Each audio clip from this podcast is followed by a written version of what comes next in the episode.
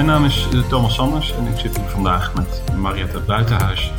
Uh, en wij zijn allebei advocaat bij AKD.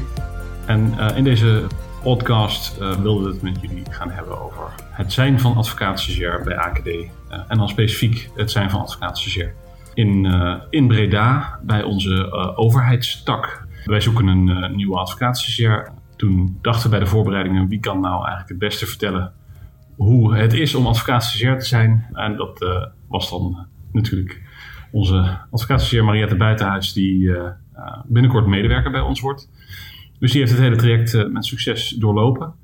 En ik wilde even met Mariette gaan praten over hoe zij dat allemaal heeft ervaren. In de voorbereidingen zei mijn vrouw, die ook advocaat is, die zei: Vind je het zelf niet een beetje gek? Dat je je eigen advocaat gaat vragen hoe was het om met jou te werken en uh, wat, wat voor feedback verwacht je daar. Dus, uh, maar voor de goede orde, uh, Marietta is vrij om te zeggen wat ze wil en daar ook dingen te zeggen als dat ik een hele vervelende patroon ben. Marietta, welkom. Um, Dankjewel. Ja, wat vond je ervan advocaat zijn? Ja, ja, ik ben officieel nog steeds advocaatstagiair. Ik ben nu 2,5 jaar bezig en uh, toevallig vandaag het uh, certificaat van mijn beroepsopleiding uh, ontvangen. Dus dat is in ieder geval heel erg leuk. Ja, het is echt een heel leerzaam traject dat je doorloopt na het afronden van de universiteit. Ja, je gaat echt de praktijk in, maar ja, bij die opleiding krijg je ook gewoon nog heel veel theorie en vaardigheden die, waarvan je heel veel rijker wordt ieder geval heel leerzaam ervaren. Ook wel echt als uh, ja, een ontwikkeling naar zelfstandig advocaat. En wat voor soort zaken behandel jij nu allemaal? Met name handhaving en dan uh, zowel van de openbare orde, dus dan heb je met burgemeestersbevoegdheden te maken, als het omgevingsrecht. Dus dan zit je meer de openbare orde is een beetje rellen, hè? Ja, het rellen na de avondklok, uh, dat komt daar zeker ook voorbij, ja. En wat vind je daar het leukste aan? Het is heel dynamisch, uh, natuurlijk ook veel in het nieuws. En ik vind het ook erg leuk uh, dat er ook wat politieke elementen bij komen kijken. Dus dat er wat ruimte is in de uitoefening van bevoegdheden. En dat, dat, dat er gewoon ruimte is voor burgemeesters ook om die uh, bevoegdheden uit te oefenen. Dat, vind ik, dat maakt het dynamisch en interessant. En je hebt denk ik ook wel meer verschillende zaken gedaan dan alleen maar dat, hè? Want je begint natuurlijk heel breed. Ja, klopt. Ja, ik ben eigenlijk ook afgestudeerd meer in het milieurecht. Ik heb mijn scriptie over de omgevingswet uh, geschreven. Milieurecht doe ik ook nog steeds erbij. Ik heb ook uh, civiel procederen, dat leer je ook bij AKD. Dat is denk ik waar ik nog steeds het meeste van leer. Juist omdat ik niet in die richting ben afgestudeerd. maar inderdaad, je begint heel breed. Het eerste jaar dan pak je alles op, alle kleine klusjes. Maar ja, je wordt steeds zelfstandiger en je specialiseert je steeds meer in een rechtsgebied. En uh, ja, uiteindelijk dan, uh, dan, dan ben je specialist, uh, ja, in mijn geval op het gebied van openbare orde. Ja, en ik neem aan dat je dan met name overheden bijstaat, hè? Ja, klopt. Ik denk dat ik zo'n beetje in 90% van de gevallen de overheid bijsta en 10% particulieren en bedrijven. En vind je dat leuk? Ja, ik vind dat heel erg leuk, maar ik, het moet wel bij je passen. Ik denk ook wel dat je een beetje... Zeker een beetje stoffige mensen, hè, ambtenaren? Ja, ja, ja, als vroeger mensen het over wethouders hadden, dan stelde ik me ook hele stoffige mensen voor. Dat zijn het niet. Um, maar uh, ja, het moet een beetje bij je passen, want je hebt wel een ander soort rol. Je bent denk ik iets minder fel dan uh, advocaten die uh, particulieren bijstaan. Maar je kunt daar ook zeker in groeien. En je moet soms ook nog steeds als advocaat van de overheid ook fel zijn. Ja, ja, ja ik denk dat je minder vaak kan, uh, kan schreeuwen in de rechtszaal en uh, klachten kan gaan indienen tegen andere advocaten. Hè? Moet ja. je een beetje uh, bescheiden opstellen als advocaat van de overheid. Ja, klopt. En dan toch weten op welke manier je scherpte in het debat kunt brengen. Dat is wel altijd een uitdaging, maar ja, je leert dat hier gaandeweg. En je ziet ook hoe andere mensen het doen. En ja, in dat leertraject leer je het uiteindelijk ook op, op eigen poten te staan.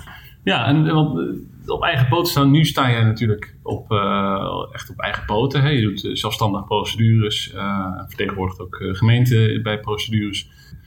Maar dat is natuurlijk niet altijd zo geweest. Hè? Je wordt natuurlijk in het begin word je, word je op weg geholpen. Hoe, hoe heb je dat ervaren?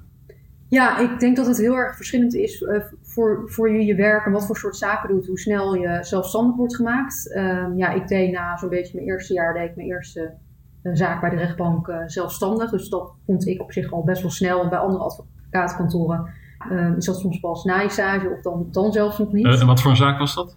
Ehm, dat was bij de rechtbank een, ehm, een handhavingszaak ook van een, eh, van een woning waar dan omwonenden hadden gevraagd om, eh, om handhaving.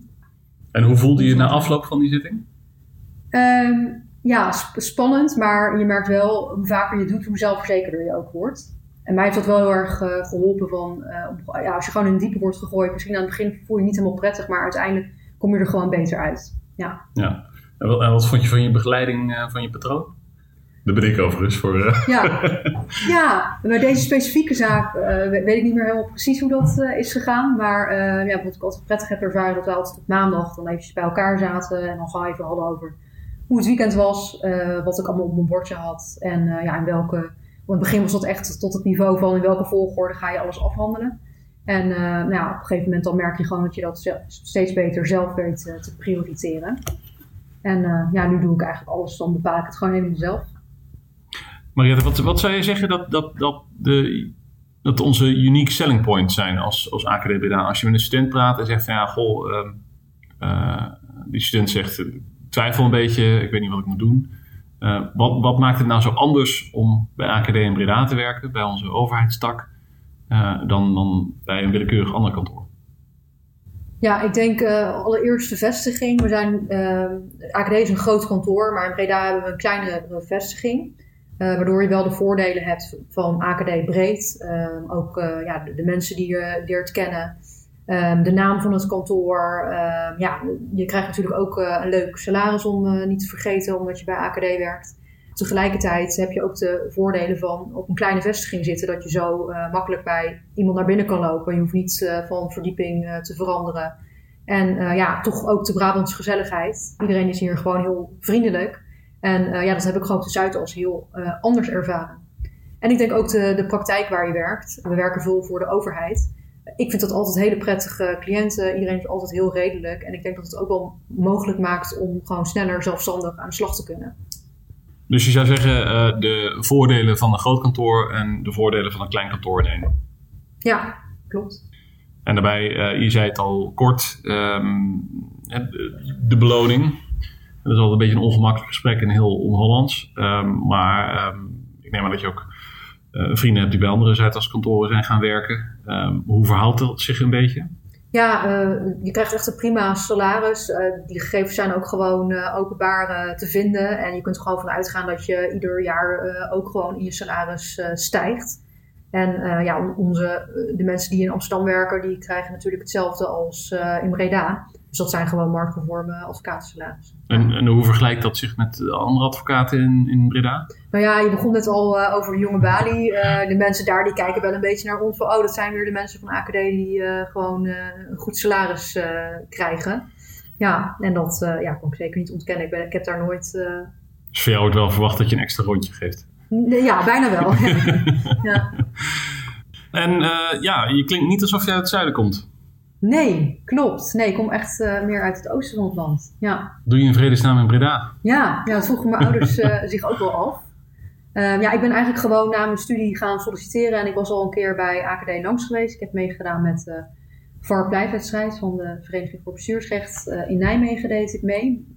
En ehm, ja, op een gegeven moment ging ik solliciteren. En ik had gewoon een leuke ervaring bij AKD. En een vriendin van mij die liep hier op stage. En toen heb ik hier gesolliciteerd. Nou, niet, niet wetende waar dat me zou brengen. Maar uiteindelijk dus naar Breda, ja. Jij woonde toen in Leiden. Ja, klopt. Toen ik solliciteerde woonde ik in Leiden. En ik heb eerst nog wel een tijdje, want ik was echt net naar Leiden verhuisd. Ik heb eerst altijd in het oosten van het land gewoond. Ik ging samenwonen in Leiden. Toen heb ik een paar maanden wel op en neer gereisd. Maar op een gegeven moment, toen, eh, ja, toen ik gewoon merkte dat ik het hier naar mijn zin had. En dat het toch ook wel zwaar was, dat reizen, ben ik, heb ik de stap gemaakt. En zijn we samen hierheen naar Breda verhuisd. Heb je er spijt van? Nee, nee. Ik vind Breda echt uh, oprecht een leuke stad.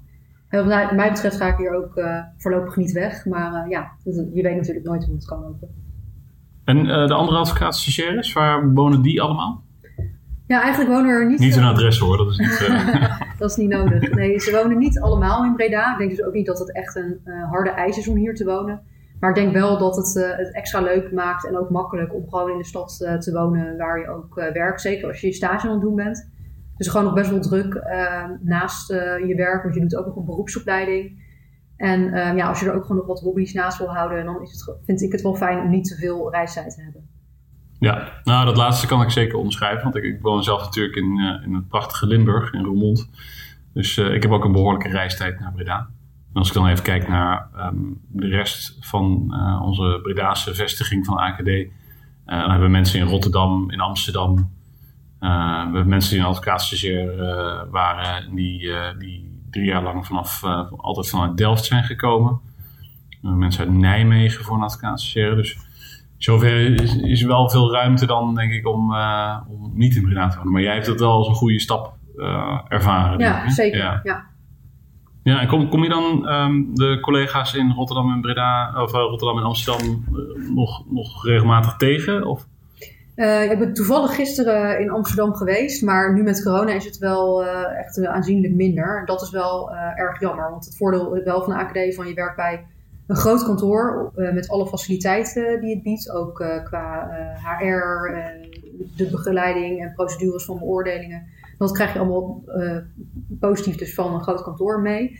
Um, en je zit op een kleine vestiging. Dus ja, je spreekt hier gewoon wel minder mensen dan wanneer je op een grotere vestiging zit.